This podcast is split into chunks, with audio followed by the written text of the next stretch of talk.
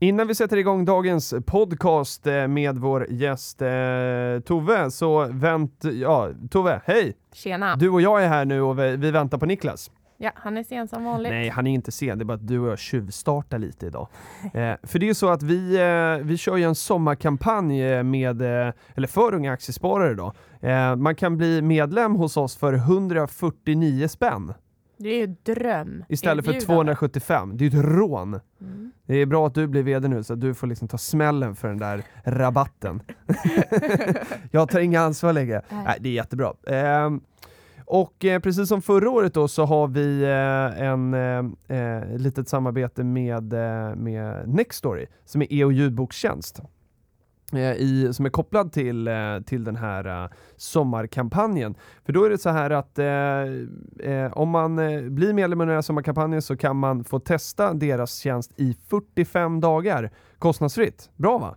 Det är superbra. Så man får ett medlemskap för 149 plus Nextory 45 dagar. Ja, och deras tjänst normalt eh, är, kostar från 99 spänn i månaden.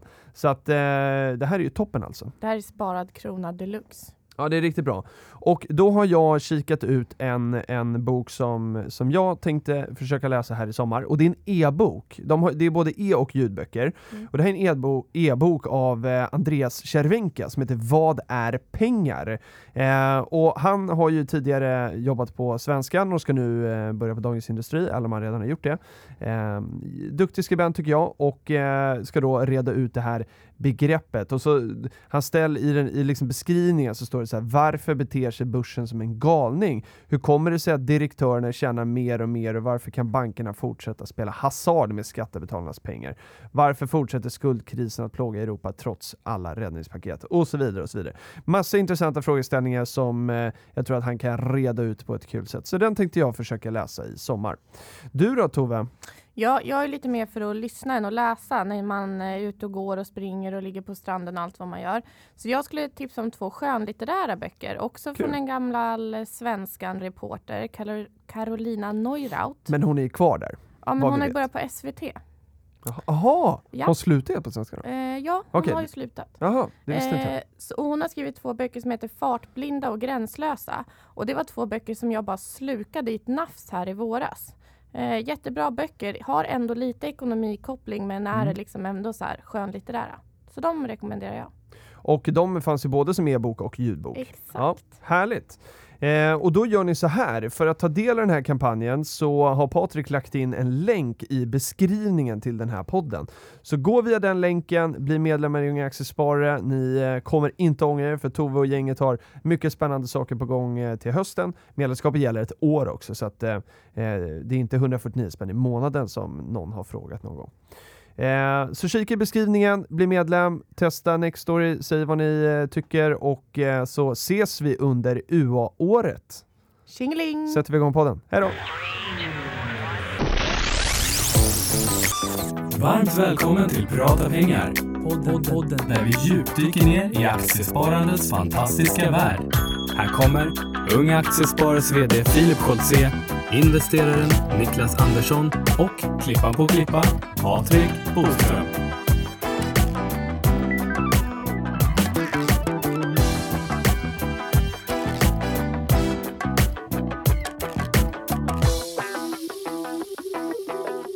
Då säger vi äntligen måndag och varmt välkomna till eh, Prata pengar. Idag är det avsnitt Almedalen, eller hur? Ja men exakt, vi har väl känt lite grann att det här med siffror är inte riktigt vår grej. Så nu kör vi Almedalen istället. Det är lite grann Almedalen special. Vi är på plats och solen skiner. Det var riktigt dåligt väder igår morse men nu är vi inte blöta längre utan nu är vi riktigt eh, torra. Ja, ja men vi... Jag hoppas inte att vi är i podden i alla fall. Ja, men och en stor anledning till att vi eh, också sitter torra är för att eh, vi har fått eh, eh, låna en eh, kompispods studio. Mm. En mobil studio och eh, det är inte vilken podd som helst utan det är Businesspodden. Eh, och extra stort tack till, till Josef där. Det är Josef och Micke som kör Businesspodden. Jag har ju gästat där en gång. Eh, men, men, och jag och Josef eh, hörs lite då och då. Han är eh, extremt duktig på att höra av sig. Eh, jag, är, jag är lite sämre. Så, så ber om ursäkt för det Josef, men jag blir alltid lika glad när vi väl får tag på varandra. Och, och han sa då att de skulle vara på plats här och ha med sig sin poddstudio. Då sa jag att men, kan inte vi få spela in? Eh, och, och självklart fick vi göra det, för Josef löser ju allt. Eh, så att eh, här sitter vi nu i eh, deras lägenhet som de har hyrt här i, i Visby eh, och spelar in. Och eh, då viskade Josef ju till oss här lite att deras podd som kommer ut samma vecka som den här är med Erik Selin. Spännande va? Ja men det är spännande. Det är ju en fastighetsikon som vi tycker är otroligt duktig, som följer pilotskolan och som också är kapten över skutan Balder och, och det omvända förvärv man gjorde av Enlight 2005 och det har varit en fantastisk resa. Så för de som eh, gillar att dra ut grafer långt tillbaka, 10-15 år tillbaka, kommer ju se att Balder har ju varit en aktie som har totalt kraschat. Men det är ju just det här med omvända förvärv, kraschade bolag, förlustavdrag och sen så gör man en ny verksamhet. Sen så in med Balder och så vart det fantastiskt. Och vi tycker att han är duktig och har ju en, en näsa för affärer. Så det är ett avsnitt som jag definitivt kommer att lyssna på. Verkligen. Sen har han också varit med i fastighets, en fastighetspodd tidigare också. Men det är ju en människa som jag gillar att följa och skriver sina egna vd-ord också. Så att, ja men en duktig och karismatisk person. Han har varit med i många poddar, eh, inte minst nu på senaste tiden tycker jag. Och, och då frågade Josef, vill ni att eh, Erik Selin ska komma till er podd? Och det sa vi absolut på. Det vill vi absolut. Och det är ju just det här också. Jag menar, vi har ju många av våra lyssnare som funderar lite grann på om, ja men lågränteklimat och vi har ju värderingen på fastigheter som har gått ner, eller upp, ner, upp. Inte minst i innerstan Stockholm, 150-200 000. Till och med 200 000 är faktiskt slaget. Det är, det är helt galet. Sen har vi kommersiella bostäder i Central Business District. Har också gått upp jättemycket. Men någonting som, som Det där, många... får, jag stoppa dig där? Det här Ja, Central CBD står, det är det, mest heta området, vad säger citykärnan, Central Business District. Och Eh, det, det är det som det, jag dyrast. skulle, det jag skulle säga, det var att jag lärde mig det förra veckan. Okej, när jag läste. Vad sa du? Grattis Filip. Ja, tack. Eh, och, eh, och det var när jag läste eh, Atrium Ljungbergs Mm. eh, årsredovisning. Eh, så satt jag och kollade på det där och då hade de, eh, så hänvisade de till det där. Och jag hade aldrig stött på det uttrycket tidigare. Så att, då fick jag slå upp det. Ja. Bra att liksom, ha en liten sån här ordbok. Och det är ju ofta så, jag menar det är ju, nu, var, nu lät jag nästan lite dryg mot dig Filip, Det det vet du att du. jag inte är, men det gjorde jag och det... Men har, nu har vi hängt dygnet runt så du har gnabbats mycket nu. Han drog upp mig klockan då. Sex på morgonen så för er som känner till det här är jag ju lite morgontrött så det är väl det kanske. Men just det här CBD och andra fikonspråk, det, det är ju ett tips där är ju faktiskt att läsa redovisningen, antingen kvartalsrapporten eller årsredovisningen, blippa, eller blippa, men ja, antingen blippa om man läser digitalt eller fysiskt. Långt bak, då har man en definitionslista över de nyckeltalen man använder och det är inte så att ett nyckeltal är samma mellan bolagen för man friserar det där lite grann och, och tolkar det lite grann på sitt egna sätt. Men bara för att wrappa upp det här, det som är intressant om Erik Selin hade varit med, det är ju just vilka nyckeltal tittar man på när det gäller fastighetsbolag och CBD och vilka nivåer är det in i fastighetsbolagen och titta för många har fina grafer. Verkligen. Ehm, och eh, vi har med oss eh, flera gäster idag och eh, som, som, som vi ska få höra på deras eh, eh, vad, vad, de, vad de tar med sig från den här Almedalsveckan. Det är onsdag idag när vi spelar in det här. Men jag tänkte börja med att du och jag Niklas bara ska få dra våra reflektioner härifrån. Vi har ju varit här sedan i lördags och du är här till imorgon torsdag. Jag åker hem på fredag. Vad, vad har dina tankar och känslor varit om de här dagarna? Nej men det är väl som alltid just att det är, otroligt många seminarier och man känner just det här lite grann tidsbrist och att man inte räcker till för att man vill lyssna på väldigt mycket. Men vi har ändå varit på många intressanta seminarier. Det vi favoriserar lite grann är ju de som kanske ligger lite mera nära Eh, sparande och, och, och eh, det som gynnar alla våra vänner där ute som sparar och investerar. Vi har varit lite grann på eh, pensionstema och hur man tänker kring pensionspengar och man kan rikta investeringar mot hållbart sparande. Vi har träffat Per Börjesson på Spiltan, hur man kan bli miljonär i hängmattan i hans nya omdanade bok. Och hur han tänker kring hur man enkelt faktiskt kan komma igång och faktiskt också bygga upp en förmögenhet. Jag träffar lite politiker, eller Tove har gjort. Eh, Så det har varit många intressanta seminarier. Jag träffade faktiskt en, en, em, en tjej från ett startup-nätverk nere i Öresundsregionen idag vi pratade lite grann om hur man hur man faktiskt kan försöka merga investerare och startupbolagen. Var det för- hon eller du som pratade? det vet ni vem det var som pratade. Eh, sen har vi poddat med, med Günther Mårder också på egentligen Ja, samma tema. Bolagen, det är inte bara startup-scenen och techbolagen utan de här bolagen runt om i landet som kanske ligger långt ifrån. Vi kan ju bara göra en liten shoutout där och gå in på Företagarpodden som ju är Günther Mårders podd eh, och, och lyssna på förra veckans avsnitt. eh, För det släpps eh, samma dag som vi spelar in det här. eh, Där han intervjuade dig och mig. Vi hade ganska bra eh, samtal om, om liksom, företagarklimatet i Sverige och hur, hur väl kanske det behövs investeringar liksom, i, eh, i mindre bolag och hur man skulle kunna förenkla det. För att jag skojade med, med Günthers kollega Amanda och så sa jag så här att det här avsnittet ska bli rekordavsnittet så det vore ju kul om vi kunde se till att det blev så. också. Jo, det är ju ett spännande tema och diskussionen där behövs ju. Sen kan man ju också säga, det ska vi inte glömma bort, att vi eh, har pratat med Adam som är noteringschef på Nasdaq. Just för jag tycker att många av bolagen som kommer in på börsen är Aktietorget och First North. Eh, Och, och kanske lite mindre på, på de större listorna, eller på Stockholmsbörsen, Large Mid Small Cap. Och där eh, pratade han lite grann om hur han ser på det och klimatet och hur pipelinen ser ut och sådär. Så att sammantaget så tycker jag att vi har gjort väldigt mycket spännande under veckan. Jag tar med mig mycket hem och sen har vi stärkt lite relationer. Jag har även träffat Saab. Eh, och de frågar lite hur de kan, ska jobba mer i social media, hur man ska eh, tänka där. Det hade varit ett spännande tema kanske för podden. Det, det, det är lite känsligt, upprätthåller man freden eller är det så att man gö- göder krig? Det, det, är liksom, det, det, tåls att diskuteras och det är ju ändå ett börsnoterat bolag och svensk industrihistoria. Så många intressanta eh, möten har det varit Ja. under veckan och de tar jag nog med mig. Ja, bra. Och min reflektion till det här blir eh, det samtalet som eh, vi hade igår. Vi träffade eh, någon bekant till dig på, på stan här nere. På Donners plats. Och eh, du och jag satt på en parkbänk där och så kom han förbi och så hade han med sig eh, en... Det var en kvinna också som hade jobbat på Billerud Korsnäs. var lite kul. Mm. Just det, som IR-chef där. Mm. Ja, exakt. Eh, och då, då pratade vi... Fikonspråk, IR-chef måste du förklara. Investor relations, investerarkontakter. Investerarrelationer. Relationer. eh, ja, ja, precis. Eh, men i alla fall, och då frågade de oss här vad, våra, vad vi tyckte om den här veckan. Och det här är andra året som du är här. Och, och, eh, och så sa vi så här, nej, men det, är liksom, det är väldigt mycket seminarier, man, det är ganska grunt, man går inte så mycket på djupet. Eh, det är ganska mycket ryggdunkar. Eh, så. Eh, vi har ju gått på flera seminarier, inte minst förra året. Nu har vi lärt oss lite hur det funkar. Men där man har tänkt att så här, här kommer det hetta till. Och det gör ju aldrig det. Och det bygger mycket på att man har en arrangör som bjuder in gäster liksom till en panel eh, och sen blir det konsensus. Liksom, för att, man, eh, att, att alla håller med varandra. För att man vill inte... Eh, det känns som att gästpaneldeltagarna vill inte stöta sig kanske då med den som har bjudit in. Eh, och det här är ju tråkigt tycker vi. För vi, eh, det blir ju konsensus istället för att det, det blir liksom debatt. Ja, men man ska också fundera lite grann på vem det är som också finansierar kalaset och vem Ja, som finansierar lokalen, precis som du är inne på här.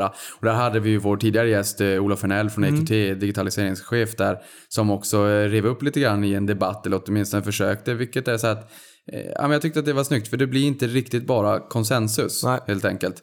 Nej, och det man kan eh, reflektera lite med här, det är ju då varför åker man då till, till Almedalen? Är det bara liksom Sveriges största firmafest? Och det kanske är det. Eh, och, och då ska man liksom, eh, eller så här, det, det de vi träffade på den här parkbänken sa, det var att våra reflektioner tyckte de var de flestas reflektioner över det här. Att det är ganska grunda samtal, man kommer inte så mycket på djupet, det saknas politiker i väldigt många eh, diskussioner. Någonstans är väl Almedals tanke att det ska grundas i att man eh, kan påverka politiker liksom, och föra fram sina idéer. Eh, och, och då pratar vi om det, att ja, men då kanske man skulle förändra förväntan bara på vad en Almedalsvecka är. Att det är ett, ett litet mecka där eh, man kan träffa alla man vill träffa på en och samma plats eh, under några intensiva dagar och så eh, kan man ha både liksom, eh, nytta och nöje då på något sätt. För men det är ju mycket nöje här, det ska man ju säga. Ja men det är det också, men man tar ändå med sig någonting. Jag menar, jag och Niklas Uppenberg på, punkt Privatekonomi var ju även på ett seminarium kring bankerna, regelverken och om det är så att de här regelverken som har varit under många år egentligen av, av eh, efterkölvattnet av finanskrisen, om det är en ökad regelbörda, om de verkligen tycker att de får med sig nytta. Och det var ett intressant seminarium. Sen var Malin också på Finansinspektionen för avdelningen för konsumentskydd. Ja, Hon är bra. väldigt vass och jag lyssnade på henne även förra året. Och där fick vi också möjlighet att ställa frågor både till SEBs nya VD men även till Swedbanks förra VD Mikael Wolf om, om eh, det digitala arvet och hur man arbetar där också. Det är något som Olof var lite grann inne på. Swedbanks VD Bonnesen, hon pratade om hur hon öppnade börsen i måndags och pratade om fintech och utmaningar, att man måste ha mer partnerskap. Så att man känner också att digitalisering och fintech är ord som förekommer väldigt ofta här, här nere i Almedalen. Och sist men inte minst så tycker jag på, på parkbänken där också att det är otroligt kul Filip, liksom att vi, vi, vi hittar alltid någon form av spännande diskussionsämne du och jag när vi träffar människor. Ja. Och, och jag menar, vi, vi stod där säkert en kvart, 20 minuter Mm. och det kom, det kom fram bara mer och mer och hon var, var ansvarig för någon form av nätverk kring HR. Mm. Eh, och vi pratade mycket om företagskultur och varför det är så viktigt. Och jag menar, där kommer man ju verkligen ner på djupet och jag tar med mig de här spontana mötena som också kanske genererar mer affärer i podd eller play eller någonting i framtiden när vi kommer på hemmaplan. Så att relationsbyggande är ju också en del av Almedalen. Det är det. Och nu tycker jag att vi ska få lite andra, eh, eller eh, mer input från Almedalsveckan. Och då har vi eh, dagens första gäst som är Tove Sander. Varmt välkommen till podden. Tack så mycket. Läget då Tove? Det är fint, tack. Eh, vet du vad? Vi har ju, det kom ju ett avsnitt som redan är inspelat med dig. Eh, där vi ju liksom eh, grattar dig för att du har blivit ny vd för Unga Aktiespar och sådär. Och jag hade tänkt från början att det skulle komma liksom före det här. Men så insåg vi precis när vi började spela in nu att ja, men det går inte. Vi måste ju släppa Almedalsavsnittet först. Så att man får liksom, man får hålla på det till nästa vecka. Eh, för, för då kommer vi prata mer om det. För nu ska vi hålla oss till Almedalen. Eh, hur, vad, vad tar du med dig från de här dagarna?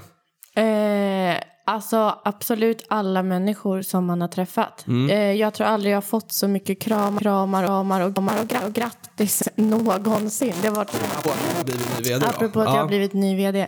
Eh, och det har varit jätteroligt. Och många har kommit fram och eh, liksom tycker att eh, UA gör bra grejer nu. Och man vill, man vill liksom förknippas med oss unga aktiesparare, uppesittarkväll och sådär. Så väldigt mycket bra kontakter som jag verkligen hoppas att vi kan utnyttja framöver. Eh, och det ser jag jättemycket fram emot. Har du några exempel på möten som du känner att det här, det här, var, det här var lite extra häftigt? Eh, Telias vd häromkvällen. Dannelind? Eh, precis, jättebra. Mycket så här bra kvinnor har jag träffat, så här kvinnliga förebilder som jag ser upp till. Eh, Isabella kom fram här nu när vi var på Dagens Industriseminarium innan. Precis, och eh, sa att dig håller man koll på. Eh, Okej. Ni är duktiga på unga aktiesparare. Kul. eh, och det är jätteroligt och vi bokade in ett möte i höst faktiskt. Ja, vad skoj. Eh, Så mycket sådana bra möten. Eh, Och en personlig reflektion som vi pratade lite om här innan vi började spela in var att man går så otroligt mycket den här veckan. Även om man liksom inte tänker det. Men man bara går runt här på gatorna, dricker kaffe och dricker vatten. Så man är ju kissnödig stup i kvarten. Så man går in på något ställe och ställer sig i toakön och där står någon och så pratar man med Exakt. den. Så man är liksom ständigt eh, eh, ja, liksom utlämnad typ, eller vad man ska säga. Det är jättespeciellt klimat. Man är exponerad på något sätt, liksom, eh, eh, tillgänglig för omvärlden att prata med. Ja. Ja, och där måste jag flika in liksom, jag har ju, måste ju erkänna att jag har ju faktiskt stått i to- toakön här äh, idag. Ja. Eh, och ut kommer ju Erik från Nasdaq. Ja. Och då är jag med Kul. Erik och säger att det här med börsintroduktioner på Stockholmsbörsen, där ska jag och Filip befinna oss framåt. Så vi vill alltid ha inbjudningar när det kommer Ja, det. börsnoteringar och kunna ställa några snabba frågor till det nya bolagets VD och kanske anställda som är på plats också när det, Eh, när det är en notering om man är ute på Stockholmsbörsen och ringer i klockan. Och det kommer vi att eh, göra. Vi har pratat om det här tidigare och nu har vi cementerat det och det var ju alltså i en, i en kö där väldigt snabbt för det var ju många som stod i den där toakön och snart var det min tur. Men på tal om det här eh, spontana möten till och med i, i toakön. Ja, Men det händer ingen annanstans än i Almedalen. Och det är svårt att beskriva det där för någon som inte har varit här. Men man kan liksom dra nytta av alla tillfällen. Alltså gå på gatan, stå i toakön, eh, gå in på ett seminarium, alltså hela tiden. Plus alla seminarium som vi har varit på och lyssnat på och ställt frågor på. Eh, igår körde jag och eh, Niklas Uppenberg på Ung Privatekonomi ett litet mingelrace. Och bara då att kunna stå där och stolt berätta att jag är från Unga Aktiesparare och Niklas är från Ung Privatekonomi. Liksom den synergin som vi har däremellan. Det är så himla häftigt. Och det, det händer inte på samma sätt när man är hemma. Men här blir det så. Och man liksom introducerar varandra och det blir himla mycket bra möten. Stockholm är lite för stort. Ja men ja. Ja, exakt. Nej, men jag håller helt med dig Tove. Och det är ju... Eh, det är väldigt intensiva dagar. Väldigt, eh, ja, men det ger väldigt mycket. Och någonstans är det väl liksom det här sociala. Det är det man tar med sig. Och där hade du och jag en diskussion också om att så här, eh, men om, om det framförallt är det sociala. Varför ska alla prysa så jäkla mycket pengar för att åka hit? Och de här seminarierna kostar skjortan, boende kostar skjortan, allt det kostar skjortan. Eh, och med skjortan menar vi jättemycket pengar.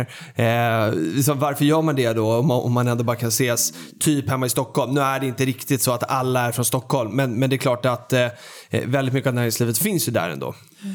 Filip? Ja, absolut. Och det där är ju någonting som jag... Eh, jag är ju liksom inte pro Almedalen.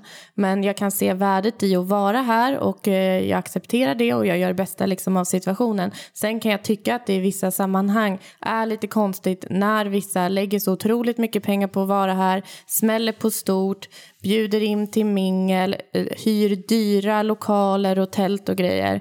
Eh, Men eh, nu är det dess facto så och man får liksom anpassa sig efter den verkligheten. I, ja. Ja, men man får som bolag titta lite grann på det vi brukar kalla för ROI, alltså return on investment. Vad, vad ger det oss att vara här? Är det bara varumärkesstärkande eller har det en mera konkret effekt? Och i vårt fall så, så dels är vi kommer från Unga Aktiesparare, vi är kostnadsmedvetna, vi håller kostnaderna i schack och dessutom så är det just det här minglet också och, och relationsbyggandet och man tar med sig kontakter hem. Jag tror att det här mynnar ju ut i, i, i eh, nya spännande kontakter även på hemmaplan i Stockholm. Men jag måste ändå bara säga att det här med att det kostar skjortan också, nu blir det en sån här klassisk utsvävning.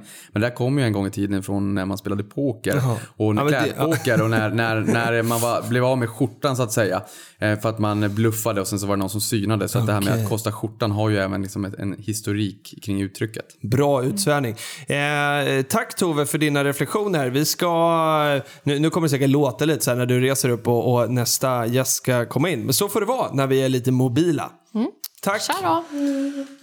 Eh, och sen eh, så ska vi då få in Niklas Uppenberg istället då som sätter sig till rätta. Läget Niklas? Jo men det är gött får jag säga. Ja. Vi har haft en fantastisk vecka hittills måste jag säga. Visst har vi? Mm. Vad, vad tar du framförallt med dig från eh, de här dagarna? Vi, vi kom ju i, i lördags och idag är det onsdag. Så att, eh, vad var det här några dagar nu? Mm. Och jag har ju varit här ganska många år. eh, Ja. Fyra år. Det här är fjärde året jag är här. Och eh, det är väl lite det som ni är inne på. Vissa seminarier går ju lite på repeat kan man väl säga. Eh, man har lyssnat på de här fyra gånger om och det sägs lite samma saker så. Men eh, vad jag tycker är kul det är ju att vi har ju även Ung Privatekonomi och även Unga Aktiesparare har ju eh, delvis en politisk agenda i det att vi försöker ju få in mer privatekonomi Exakt. i gymnasieskolan. Och den frågan har ju verkligen kommit upp under veckan får man ju ändå säga. Eh, framförallt på Spiltans seminarier då där Per Börjesson eh, la fram det här som förslag också att det skulle in mer privatekonomi på läroplanen. Så det gillar vi.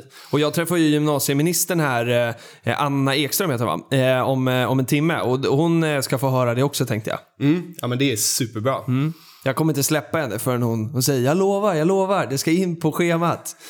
Eh, vad tycker man om det? Nej, men vi tycker i sådana fall att det innebär att alla ungdomar där ute i Sverige som lyssnar på det här, alltså där, buy and gone för de här håltimmarna. Ja, nej, nej, men vi måste, få, vi måste få in privatekonomi på skolschemat. Det är så stor del av vårt liv och det är så mycket bråk och gnabb som grundar sig i ekonomiska göromål. Så vi måste få människor att få en ökad förståelse. Mm. Både för pengar, hur det funkar och budget och bara få det att gå ihop. Och sen kan vi gå in på att man också kan sätta pengar i arbete och låta pengarna jobba för en också. För att skapa en mer eh, ekonomiskt tryggad framtid under livet. men ja. Eh, ja men, fråga till retoriken då. Vi får kalla det det nu när det är Niklas och Niklas. Eh, vad tycker du liksom om retoriken som är under de här seminarierna? Är det väldigt mycket, ehm, alltså för de som inte har varit här, eh, är det liksom klassiska politikersvar när, när man står i de här panelerna eller upplever du att det här är lite mer liksom enklare former så att det blir lite mer personligt och att det finns ett, liksom, ett värde i, i det som kommer ut från, från eh, paneldeltagare till exempel? Men det är ju svårt. Alltså det är svårt med de här seminarierna för att panelen blir ofta ganska träig så att säga. Det blir inte så mycket munhugg, det blir inte så mycket argumentation och man kallar ju ofta det här för paneldebatt eller paneldiskussion och frågan är så här, var är debatten? det blir lite en sån fråga ofta tycker jag för att, för att det blir eh, få motsättningar trots att folk som står i debatten, man vet att de kanske tycker olika egentligen men, men kanske inte riktigt vågar ta upp det och så för att man vill inte skapa några rubriker eller liknande. Så jag tror att eh, egentligen skulle väl kanske hela Almedalskonceptet eh, tjäna på att man blev lite mer framåt och, och just att också jag tror att man kanske ska tänka lite på formaten också, att göra det lite mer levande de här seminarierna. Att mixa in lite saker och, och, och just också kunna vara lite mer levande i sin retorik när man står i en debatt och liknande. För det kan man ju se, de seminarier som är bra, de innehåller ju ofta kanske en eller två personer som, som vågar göra det och ta lite mer plats och bryta lite mot den här normen som finns i Almedalen. Men det, för det är ju väldigt mycket som du säger. Det är en moderator som står och så fördelar ordet och så är det ingen som bryter in däremellan. Och det, eh, jag får ju ta med mig det då till eh, mitt seminarium, att jag ska avbryta alla hela tiden. Eh, du sa ju det, eh, Andersson då, att eh, jag har ju, eller nej, ja, jo, vi pratade om det innan, att jag har ju liksom fått träna på det i den här podden, att liksom kapa och bryta. Så att jag är liksom väl förberedd kanske då. Så, så därför ska jag också sväva ut och inte bryta här nu då. Det jag vill säga är ju någonstans att Almedalen som är egentligen sprunget ur en politisk agenda Ja, ja. eh, är ju också intressant så tillvida att det finns en politisk dimension när det kommer till investe- i- investerande och investeringar. Visst. Eh, och där kan man ju inte minst ha vinster i välfärden, spelbolagen. Vi hade även Patrik Wallén, grundare av Volati för några avsnitt sedan och de har ju ett bolag Besikta som andades ut, pustade ut skulle jag nog säga när man bestämde sig för att inte glesa på, på besiktningsintervallet. Också politiska beslut. Så det är ju många eh, beslut som grundar sig och springs ur det politiska som påverkar börsbolagen. Och det här vet jag Johan Thorén också när vi hade han i podden pratade mycket om det här också. Ut, och, ut med känselsprötarna och känna vad, vad är det som händer, vilka vindar är det som blåser och där kan man också som investerare tidigt komma in i bolag med kanske, kanske en strukturell tillväxt om man lyssnar och lyssnar in det politiska och även förstår det. Det är lite grann en svår värld för mig men, men man kan åtminstone försöka. Man ska åtminstone inte förkasta den, den faktorn i hela hela investerarkomponenten. Nej, Nej, verkligen bra. inte. Och, Mycket bra. och eh, lobbyisterna duggar ju tätt här i Ja. Almedalen får man ju säga. Eh, då att företagen skickar ut sina representanter och ska påverka politiker. Och där var jag ju på ett intressant seminarium igår faktiskt också kring det här med pensionsmakt och liknande. Att, eh, varför går det inte att ändra på tjänstepensionssystemet vad det gäller flytträtter och liknande och varför är det så svårt? Och, och vad man förde fram där var ju just det här att det finns så många aktörer som agerar mot va? Mm. med fri flytträtt och liknande så att det är väldigt svårt att få igenom. Mm. Eh, Ja, det är en enorm, enormt stark lobbyism. För där ska man ju veta att svensk sparmarknad är väl 7000 miljarder där någonstans. Det är en stor del av pengarna som finns i pensionssystemet. Och det är ju självklart så att om, om man får fri flytträtt, ja men vilka aktörer som drabbas allra hårdast? De som har väldigt mycket pengar och inte levererar värde till kunderna som är otroligt dyra och skapar en riktigt tråkig framtid för spararna. För att pengarna går till deras fickor snarare än spararna. Så det är klart att det är en enormt stark lobbyism. För det kan man fråga, vad finns det för incitament? Ja, ett antal tusen miljarder. Eh, man förstår att incitamenten finns där men i, i, i den bästa världen så ska ju spararna kunna välja de aktörerna som skapar mest värde för spararna.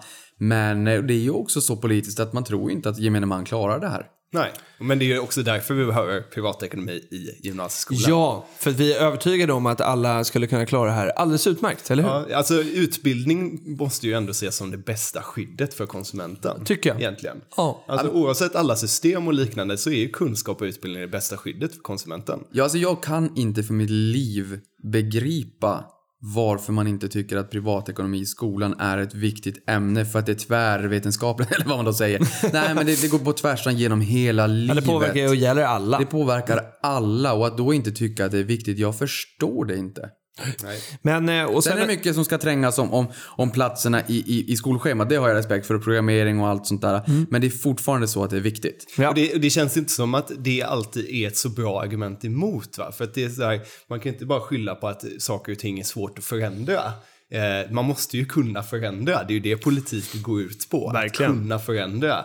Eh, så att, men skolan är väldigt trögrörlig när det gäller de här grejerna och förändra ämnen och förändra läroplan och liknande. Tyvärr.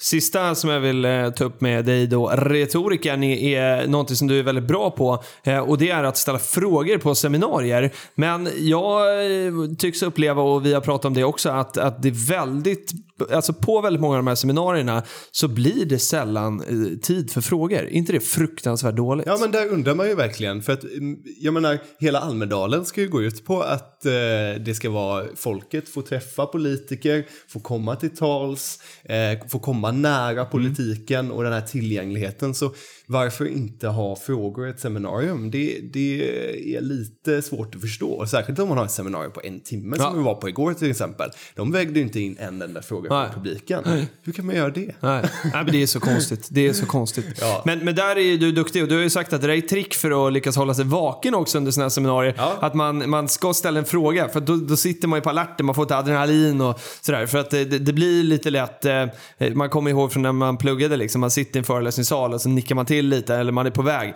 Eh, lite samma känsla kan det bli på vissa sådana här eh, Almedalsseminarier. Precis, men det är bra, bra tips till alla och till alla som pluggar också. Sitt och, i en stor föreläsningssal och, och tänk ut en bra fråga att ställa så kommer du se att hjärtat börjar pumpa lite hårdare. För man, man är ju alltid rädd för att tala inför folk man inte känner och sådär. Så att, eh, Jag älskar att tala inför alla, det är det Ja, men det bästa vet jag Niklas. Men, men det man kan säga också, det är ju just det här med, med vi var ju på ett seminarium i morse med Dag- eh, Dagens Industri just om digitaliseringen, men då var det också digitaliseringen och hur chefer påverkas. Ja. Eh, jag tyckte att debatten gick lite grann också till hur alla påverkas och inte bara chefer och det tycker jag är bra. För jag tycker det, annars blir det lite för smalt, men det, kan, det kanske är det som är syftet också. Men ett citat som jag tar med mig därifrån, det är ju att digitaliseringen inte är en evolution utan en revolution.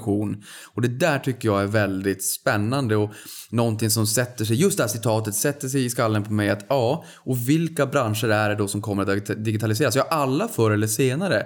Men också så här, vilka står inför väldigt jobbiga utmaningar? Vi var och lyssnade, jag och Niklas här bara för någon dag sedan just inom vården och hur vården digitaliseras. Vi har aktörer som Kry och min doktor Kry. Onoterat tyvärr, min doktor ingår ju i EQT. Men det är också strukturell tillväxt. Den gammelbranschen ska in och digitaliseras och man har stora digitala arv. Det, just det där citatet tar jag med mig. Det tycker jag var jättebra. Men, och, och, och för alla er som sitter nu och tänker så här, vad menar de med liksom digitalisering? Gå tillbaka och lyssna på vårt avsnitt eh, Get Digital or Die med Olof Hernell. För då, då eh, liksom pratar vi om det. Vad innebär det att liksom bli digital? Det handlar inte om att alla bolag i hela världen ska vara ett Spotify liksom, som är en app i telefon. Det är absolut inte det det handlar om. Men så liksom en liten cliffhanger där, gå och lyssna på det avsnittet Ja, så och- förstår vi vad vi menar. och Olof såg vi ju igår också på Ja, det vi. seminarium som Ja. var ganska intressant också. På Gubbröra. Ja, Seminariet heter Gubbröra. Eh, kanonkille. Eh, Och hoppas också att. Olof, Olof här hjälper oss att få in Johan Forsell från Ja. Investor också. För vi har haft Industrivärldens VD Helena Stjärnholm. Så därför vill vi också få in Investor såklart. Vi är aktieägare i bolaget och tycker att det här blir spännande. Han jobbar ju på EQT, där Investor är en av vägarna. Eh, nu eh, tackar vi dig då, retoriker Niklas Uppenberg. Eh, och så ska vi lämna plats för en annan Andersson, eller hur? Eh, det här, men inte Niklas Andersson, utan det blir Robert Andersson. Vi måste ju vara släkt. Är ni släkt? Det är vi säkert. Det vill säga, långt tillbaka. Ja, eh, det här är ju första gången du är med i podden Prata pengar. Varmt välkommen. Tackar, tackar. Du är ju eh, våran absolut största talang inom Unga Aktiespar eh, liksom, organisationen kan vi säga. Du eh, eh, har ju, eh, vi såg så här i Almedalen förra året också. Jajamän, stämmer bra. Och eh, var det, då gick du ut, nej du gick ut gymnasiet nu. Jag gick ut gymnasiet nu. Exakt. Tog studenten för en månad sedan ungefär. Grattis till det. Stort tack. Oj, oj, oj, det är alldeles färskt. Ja, men det är superfärskt. Livet. Och det, och det du ska göra inför hösten då är att liksom, du har tagit på dig allt man kan göra. Och jag har bara sagt så här, Robert, ta hand om dig. Du ska orka och räcka länge. Eh, men du kommer bli eh, informatör för Ung Privatekonomi, eller hur? Jajamän, stämmer bra. Hur känns det? Det kommer att bli fruktansvärt kul. Ja. Det är ju ett fantastiskt projekt att träffa massa gymnasieelever och få sprida sparglädjen. Det ska bli jätteroligt. Så du kommer åka runt i, eh, vilken del av landet blir det? Västsverige. Jag bor i Göteborg. Ja. Så att det kommer att vara i närheten av Göteborg. Ja, häftigt. Så att eh, ni som går på en gymnasieskola i Göteborg eh, eller med omnejd då, hela, hela Västsverige eh, kan höra av, eh, hör, hör av er till Ung Privatekonomi så kan Robert komma dit och, och, och, och snacka. Men sen ska du också köra UA-akademin. Ja, stämmer bra. Vi har ju lite förändringar där. Ja. Eh, Alexander. Ja, Den- stjärnan. Stjärnan.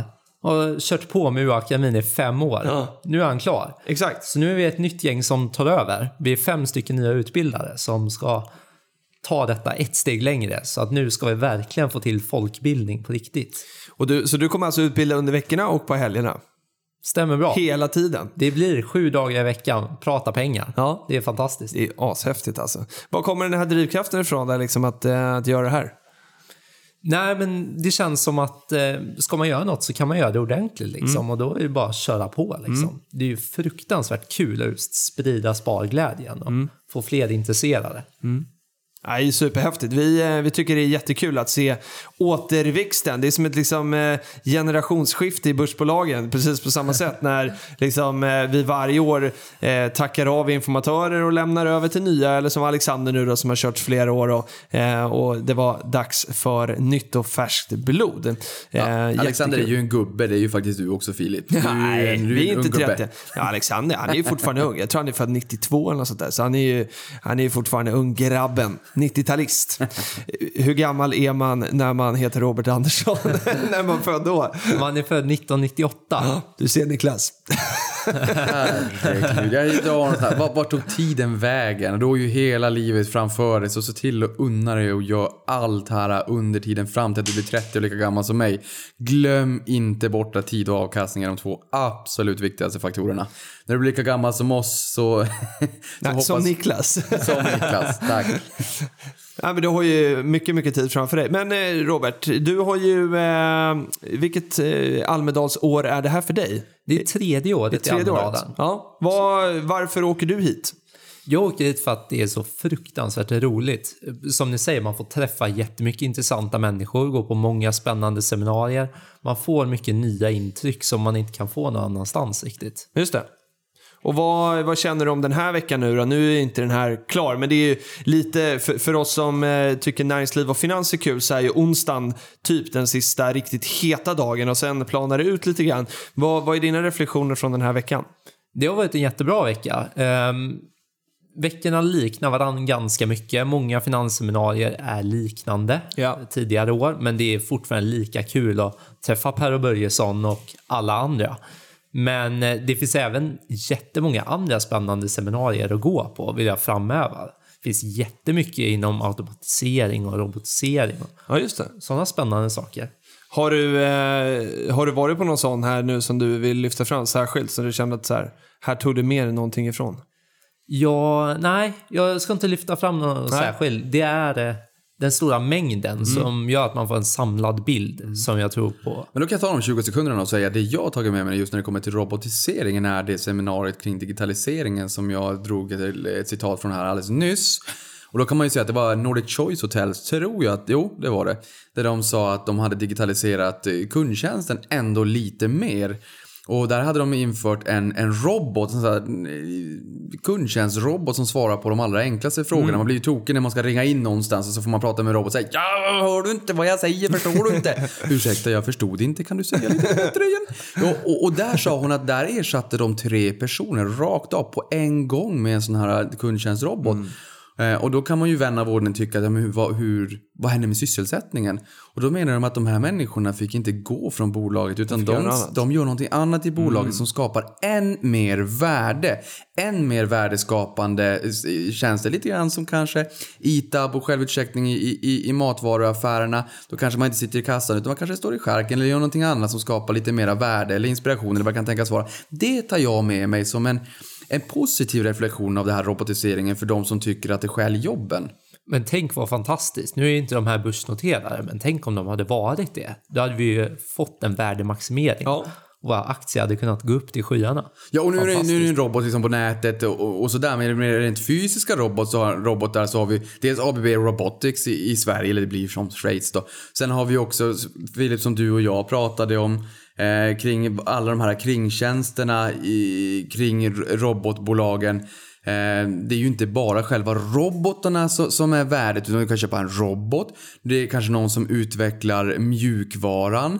Och sen så har vi bolag som exempelvis levererar skydd och stängsel och säkerhetsutrustning också. Så det finns ju många delar av värdekedjan i börsnoterad miljö. Ja, det gör det Och verkligen. både, både robotar i den digitala världen men även i den, i den fysiska världen. Men eh, Robert, du som är eh, ny i den här podden och vi ska få eh, något, något kort litet aktiesnack också. Sådär. Vad, vad har du för, eh, för favoritaktier? Vad, vad hittar man i din portfölj? Man hittar mycket investmentbolag. Ja. Eh, fantastisk affärsidé. Men om jag ska pitcha min favoritaktie, Ja. då måste jag säga Kopparbergs. Ja, kul. Nu blir Niklas glad. Du blir Niklas glad. Bara därför jag säger det. Jag tänkte Nej så här att det var någon som skrev till oss på Twitter igår att, så här, att ni, ni måste börja prata om nya bolag för att eh, eh, liksom, ni använder bara samma och man vet, vilka, man vet vilka bolag ni har i portföljen. Man blir lite home biased. Och då tänkte jag så här, nu kanske Robert en dag kan komma med något nytt fräscht här. Men det blir Kopparbergs. Ja, och det, Det kan man ju säga. Vi ska ju äga våra bolag i 30-40 år. Menar, det kommer vara rätt många avsnitt där man till. pratar om samma bolag. Men, men Vad är det du gillar med Kopparbergs pitch Mm. Nej, men det är ett fantastiskt bolag som bara ökar sin sidoförsäljning i hela världen. Nu öppnar de upp i USA för, för att öka försäljningen ytterligare där. Jag tror att det finns många marknader som de inte har nått ut till, som de verkligen kan nå ut till. Så det känns som att de har jättemycket värde i bolaget i ganska trygg försäljning. Börs, eh, liksom, konjunkturen går som den går, men folk kommer att fortsätta dricka sin cideröl. Så ett stabilt bolag som ändå har alla möjligheter att växa. Mm. Och vad var det som gjorde att du kände när du köpte det här bolaget, när du köpte den här aktien, vad var det som gjorde att det blev liksom en tipping point och du kände att det här, den här aktien ska jag ha i min portfölj? Ja, men de har en del fina siffror, men något som verkligen var tipping point, det var nog människorna bakom. Jag tycker det känns som att det är stabila människor bakom.